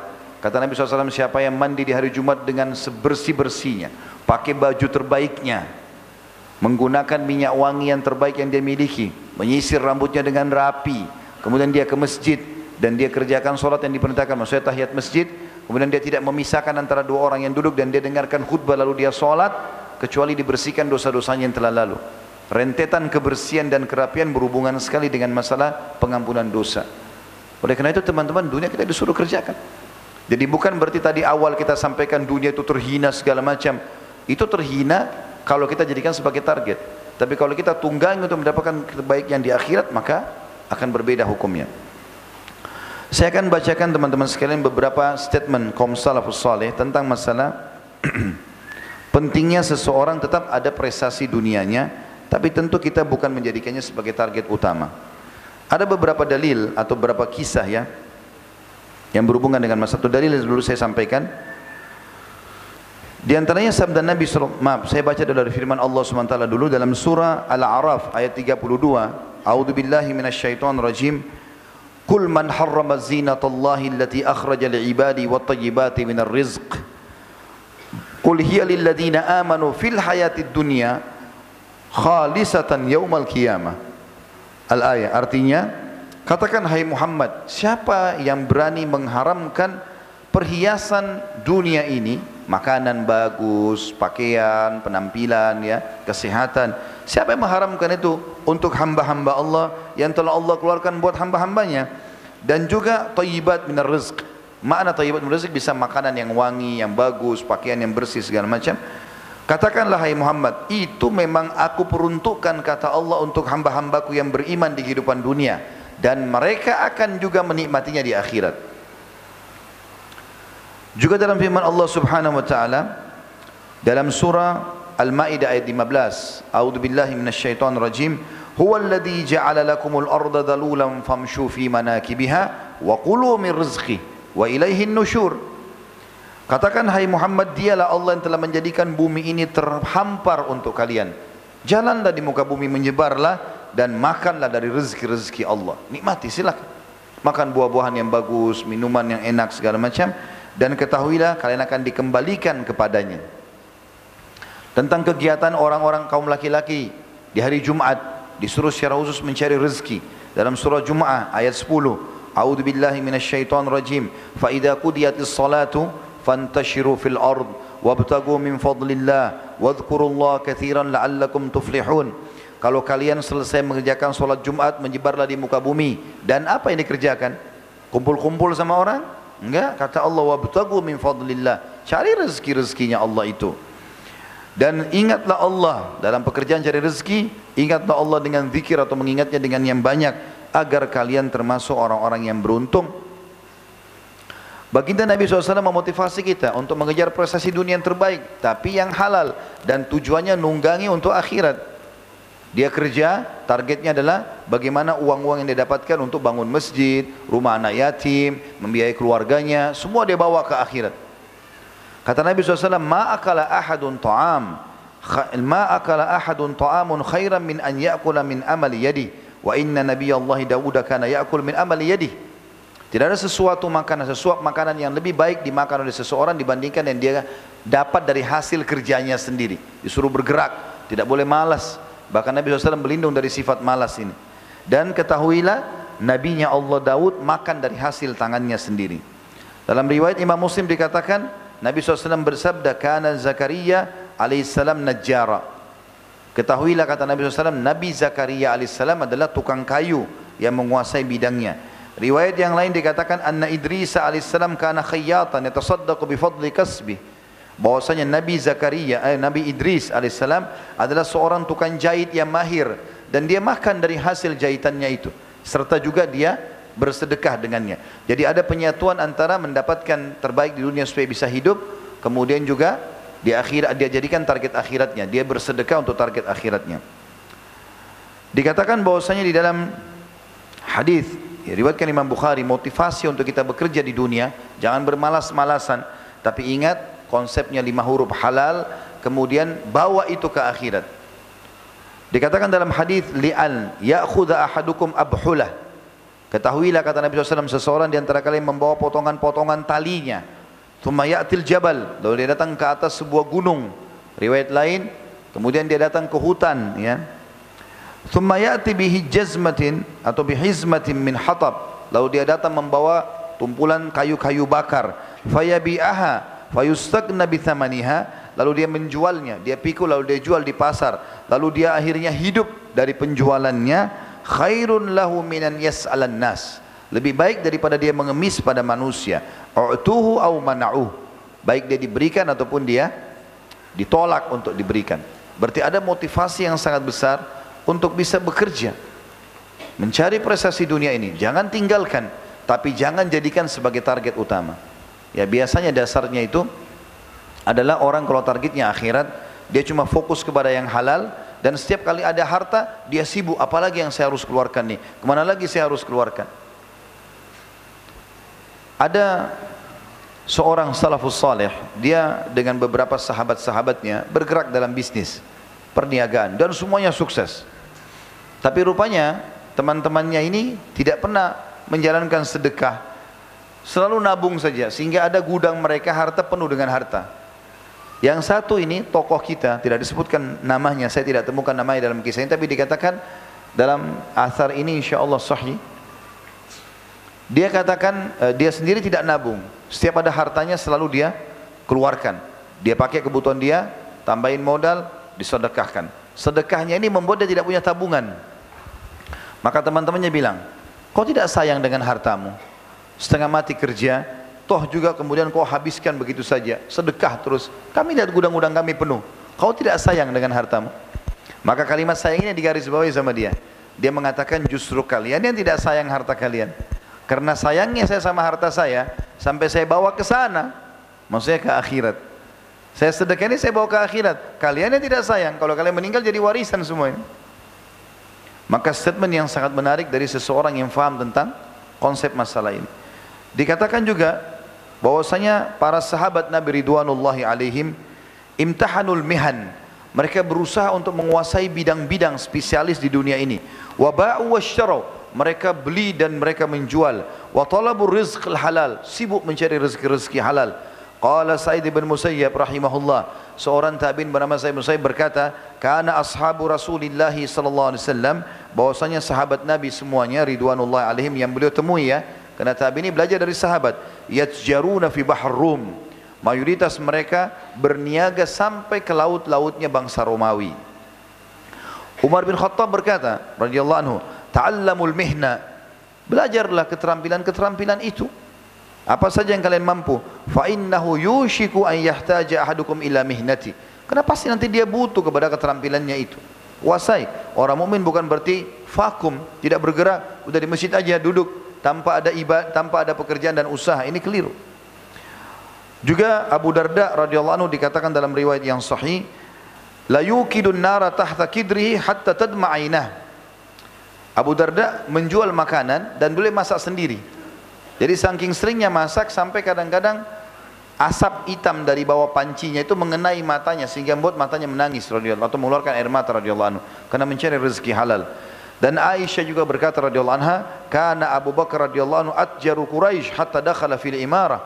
Bahwasanya Abu Bakar adalah orang Quraisy yang paling mahir dalam berdagang ya, sampai beliau menjadi masuk ke pemerintahan. Waktu sudah ada amanah pemerintahan beliau berhenti. Tapi dulunya beliau berdagang. Seorang tabi'in bernama Qais bin Asim rahimahullah berkata atau mewasiatkan anak-anaknya pada saat dia mau meninggal Ausa Qais bin eh, Qais bin Asim abnahu inda wafati pada saat dia mau meninggal dikasih wasiat. Faqal beliau berkata, "Alaikum bil mali wastina'ah." Kalian harus cari harta itu dan urus baik-baik harta-harta itu, prosesi dunia, ya. Fa inna mambahatul karim. Karena dia pendapatan yang bagus. Kalau dia halal, dia bagus. Kita bisa bangun masjid, rumah anak yatim, bisa infak untuk jihad. Bahkan mayoritas ayat tentang jihad selalu Allah dahulukan bi amwalikum wa anfusikum. Harta kalian, jiwa kalian. Nabi SAW juga begitu. Kalau mau jihad, semua peperangan Nabi, Nabi suruh dulu. Jihad, kumpulkan harta. Beliau tunggu di masjid. Lalu sahabat mengumpulkan. Setelah siap, baru beliau siapkan pasukan perang. Ya. Nah harta dibutuhkan di sini wa yustagna bihi anil laim. Dan bisa menyelamatkan dari keterhinaan. Nah. wa iyyakum wal mas'alah. Dan hati-hati dari mengemis. Fa innahu akhiru kasbar rajul. Karena dia pendapatan terakhir bagi seseorang. Kalau betul-betul dia bangkrut usaha sudah berusaha cari sana sini tapi tidak dapat baru kemudian dia boleh meminta di sini. Said bin Musayyib juga berkata la khaira fi man la yatlubul mal tidak ada kebaikan bagi orang yang tidak berusaha mencari harta, tapi yang halal di dunia. Yaqdi bihi dainah. Dia bisa membayar utangnya dengan pendapatan itu. Wa yasunu bihi irdhah. Dan dia bisa memuliakan nama baiknya dengan harta itu. Wa yaqdi bihi dhimamah. Dia penuhi kebutuhan-kebutuhannya. Wa in mata, kalaupun dia mata atau mati maksudnya, kalau dia pun mati, taraka mirasan liman ba'dah dia akan tinggalkan warisan bagi ahli warisnya. Dahak ibn Muzahim juga, maaf, uh, Dahak ibn Muzahim mengulangi hadis saja. Saya sudah sebutkan hadis tadi, saya langkahi. Umar bin Khattab juga pernah berkata, Maksabu fi di'anah khairu min su'alin nas. Pencarian pendapatan dalam keadaan susah payah, angkat batu, kumpulin ini, mungkin buang sampah, apa saja dalam keadaan susah payah jauh lebih baik daripada mengemis dengan manusia. Ada wasiat menarik teman-teman sekalian dari Luqman Al-Hakim. Luqman seorang yang saleh dalam pendapat yang kuat mengatakan dia adalah seorang yang saleh yang Allah kekalkan namanya dalam Al-Quran surah Luqman. Dinukil sebuah kisah dikata dia pernah wasiatkan kepada anaknya, "Ya bunayyi, wahai anakku, istagni bil kasbil halal." Selalu cari rezeki halal itu. Jangan kau diam, jangan vakum, jangan malas. Bergerak cari pendapatan yang halal. Fa innahu maftaqara ahadun illa asabahu ihda thalathu khisal. Tidak ada orang yang meninggalkan mencari rezeki halal di dunia ini kecuali dia akan ditimpa salah satu dari tiga masalah besar. Yang pertama, rikkatun fi dinihi. Agamanya lemah. Orang kalau tidak punya pendapatan, pengangguran, malas, agamanya lemah. Makanya banyak orang murtad hanya dengan sembako. Ya. Lemah agamanya. Dia kalau mau sholat, tapi ada pembagian sembako gratis, tinggalin sholat dulu. Lemah imannya. Audhafu fi aqlih atau akalnya jadi lemah. Orang kalau pengangguran, malas, akalnya jadi lemah. Tidak ada idenya. Tapi kalau antum berusaha di sini gagal, pindah lagi berusaha gagal, berusaha nanti akan dari pengalaman ini akan banyak ide. Tapi kalau orang malas, orang nganggur, pengangguran 10 tahun tidak bekerja di pinggir jalan, cuma tahu minta-minta sama orang, nggak ada idenya, lemah akalnya. Dikatakan yang ketiga awwahau fi muruati atau keterhinaan di dalam kehormatannya. Orang anggap remeh, gitu kan. Wa min hada bahkan yang lebih parah daripada itu istighfafun nasubihi. Manusia tidak membutuhkan dia. Nabi SAW teman-teman selama kehidupan dunia ini beristiadah kepada Allah, minta tolong kepada Allah Subhanahu wa taala agar dijauhkan dari kemiskinan, kekurangan, kehinaan. Di dalam hadis yang sahih diriwayatkan Imam Ahmad kata Nabi sallallahu alaihi wasallam, "Ta'awwadhu billah minal fakri wal killati wal dhillati." Berlindunglah kalian selalu kepada Allah selama hidup dunia ini dari kefakiran, jangan sampai miskin berusaha untuk maju. Karena Islam menyuruh kita untuk maju. Dan kita semuanya punya potensi yang sama. Semua kita punya 24 jam waktu sehari. Semua kita punya dua mata. Semua kita punya dua tangan dua kaki. Potensinya sama. Kecuali yang Allah lahirkan cacat itu berbeda. Kita tidak bicara. Kita bicara umumnya kita semua punya potensi yang sama. Maka siapa yang berusaha dia akan dapatkan. Allah katakan dalam Al-Quran A'udzubillahi minasyaitonirrajim walladzina jahadu fina lahdiyannahum subulana Orang yang berusaha mengejar jalan-jalan kami, apa yang kami janjikan, kami akan tunjukkan ke jalan-jalan kami itu. Pepatah bahasa Arab menjadda wajad. Siapa yang berusaha dia akan dapat hasilnya. Nabi SAW mengatakan berlindunglah kalian dari sifat atau dari kefakiran dan dari kekurangan serta juga dari kehinaan. Juga dalam riwayat An-Nasai dan Abu Dawud baginda Nabi SAW berlindung dari kelaparan dan kesusahan hidup. Beliau mengatakan Allahumma inni a'udzubika minal ju'i fa innahu bi'sad daji' Ya Allah aku berlindung kepadamu dari sifat dari dari dari kemis dari dari kelaparan karena susahnya hidup karena dia seburuk-buruk keadaan. Juga dalam riwayat lain beliau mengatakan Allahumma inni a'udzubika minal ajz wal kasal. Ya Allah, aku berlindung kepadamu dari sifat ajz, putus asa. Tidak mau bergerak, wal kasal dan malas. Ini sering muncul. Kalau orang malas maka sering putus asa. Nabi SAW berlindung dari keduanya. Dan kita tidak boleh putus asa dari rahmat Allah. Imam Adzabi rahimahullah masukkan dalam kategori dosa besar putus asa dari rahmat Allah. Kayaknya Allah nggak akan buat saya kaya seperti fulan. Kayaknya saya tidak bisa sembuh. Kayaknya saya tidak bisa maju. Ini semua nggak boleh. Kita harus semangat, sangka baik dengan Allah Subhanahu wa taala. Karena agama, agama Islam adalah agama yang bergerak, memerintahkan para penganutnya untuk maju. Dan Nabi SAW juga mengatakan selain Allah min ya'uduka minal azzi wal kasal, beliau mengatakan wal jubni wal bukhul. Dan jangan sampai juga aku jadi pengecut dan juga pelit. Wa galabatid daini wa qahli rijal. Dan aku juga terlilit utang dan juga dikuasai oleh orang-orang. Jadi maksudnya terus menerus menjadi terikat dengan orang karena banyaknya utang akhirnya orang bisa perintah sana perintah sini terhina di depan orang Umar bin Khattab radhiyallahu anhu Sebagian ulama mengatakan kalimat mulia. Dia mengatakan begini, "Innahu la yaliku birrajul al-aqil ay yarda li nafsi an yakuna himlan al-mujtama'." Tidak layak bagi seorang laki-laki yang berakal, muslim, mukmin melalui dunia ini, dia ridho untuk dirinya menjadi beban bagi masyarakat. Thaqilan la faidata min. Dia jadi berat dalam hidupnya, memberatkan juga orang lain, tidak ada manfaat yang dia bisa dapatkan. Farigan an syugul. Dia selalu tidak pernah mau bekerja. Yaqulu Umar radhiyallahu anhu, Umar berkata tentang masalah itu, Inni la ala rajula fayu'jibuni syakluh. Saya biasa melihat orang, kadang-kadang saya kagum melihat penampilannya. Faqila ya. Nam, faida sa'altu pada saat saya tanya tentang apa pekerjaannya, maka dikatakan kepadaku la amalalah saqata min aini. Kalau dikatakan kepadaku bahwasanya tidak ada pekerjaannya dia, maka jatuhlah dia dari mataku. Maksudnya tidak ada nilainya di sisi Umar radhiyallahu anhu. Umar bin Khattab juga radhiyallahu anhu pernah teman-teman sekalian menemukan sebagian orang di dalam masjid selepas sholat. Selepas sholat orang-orang ini duduk dan tidak bergerak. Maka Umar bertanya, apa yang kalian kerjakan di sini? Mereka bilang, kami sedang menunggu rezeki Allah. Habis sholat Jumat, yang Allah suruh dalam surah Jumat berkeluar, mereka duduk malah santai-santai. Kata Umar, apa yang kalian buat di sini? Kami tunggu rezeki Allah. Kata Umar sambil menghadik mereka. Seseorang di antara kalian berkata aku menunggu rezeki tanpa bekerja dan bergerak. Padahal dia tahu bahwasanya Allah sudah mencatatkan tidak akan pernah terjadi langit menurunkan hujan emas atau perak. Ini juga mirip dengan waktu dari statement Umar bin Khattab ini pernah dikembangkan oleh seorang tabi'in masyhur Sufyan ats-Tsauri rahimahullah di Mekah.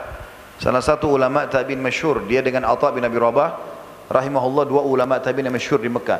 Sufyan ats-Tsauri ini pernah temukan juga begitu habis salat Jumat ada orang-orang lagi ngumpul-ngumpul, duduk-duduk. Ditanya, "Kenapa kamu? Kalian buat apa di sini?"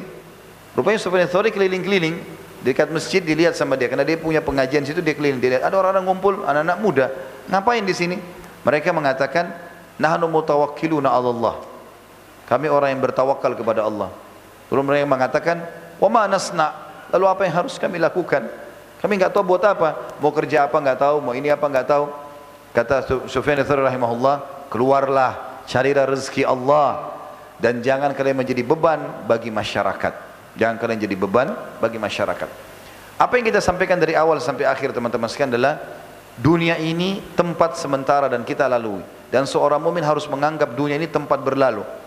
Ya. Seperti kita kalau lagi safar naik bus, singgah sebentar kemudian kita lanjutkan perjalanan seperti itulah dunia boleh dinikmati tapi untuk menikmati apa untuk ditunggal menuju ke akhirat ya. dunia Allah masjid mana yakin apalah amal amal soleh bantu orang dermawan maka Allah subhanahu wa ta'ala akan murahkan bagi dunia itu dan dia membawa pada akhirat jadi jangan pahami seperti saya bilang tadi Oh kalau kita bahas dunia itu berhina, bahkan lebih daripada bangkai, berarti kita tidak usah lagi mencari pendapatan tidak. Kalau kita sampaikan kemudian dari dari syari, baik dari hadis Nabi SAW, dari ayat-ayat Al-Quran, juga dari sejarah para sahabat saleh tentang pentingnya seorang untuk bergerak.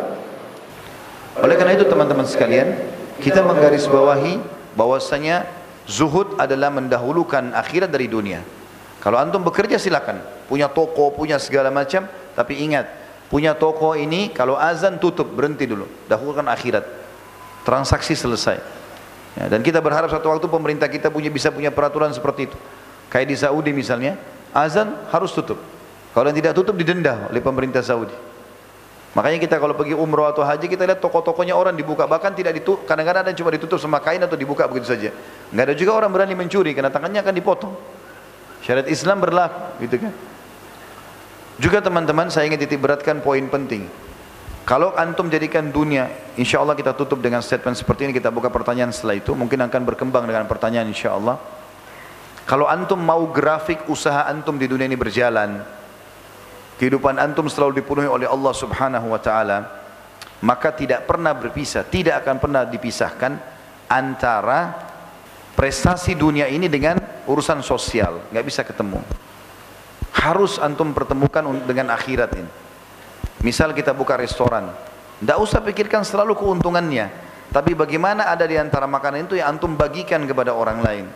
Punya toko pakaian, bagikan pakaian kepada orang lain. Yakin dengan izin Allah grafiknya akan naik. Dalam sebuah hadis Bukhari disebutkan bahwasanya ada orang dua orang dari Bani Israel kata Nabi SAW dulu dua-duanya bersahabat dan kebunnya bersebelahan. Pas lagi musim peceklik panas sekali. Semua orang berharap turun hujan. Kata Nabi SAW lalu lewatlah awan di atas kebun salah seorang dari keduanya. Dan dia mendengarkan suara dari awan itu mengatakan turunkanlah hujan di kebunnya fulan. Ternyata fulan ini disebutkan nama temannya di sebelah maka dia pun mengikuti awan tersebut, betul-betul awan itu mampir di atas kebun temannya, turun hujan. Yang lain tidak hujan, cuma dia saja. Cuma temannya saja. Lalu kata Nabi SAW, orang ini tadi bertanya pada temannya, apa yang kau lakukan dengan kebunmu? Sampai pada saat kami lagi nunggu hujan, peceklik, cuma kau yang dapat hujan. Jawabannya dia sederhana. Aku membagi pendapatanku menjadi tiga bagian. Pendapatannya, bukan modalnya, pendapatan. Begitu dapat untung dibagi tiga langsung sepertiganya aku sedekahkan. Yang paling pertama itu, sosialkan dulu. Sepertiganya aku berikan buat keluargaku. Sepertiganya aku kembalikan kepada modal usahaku.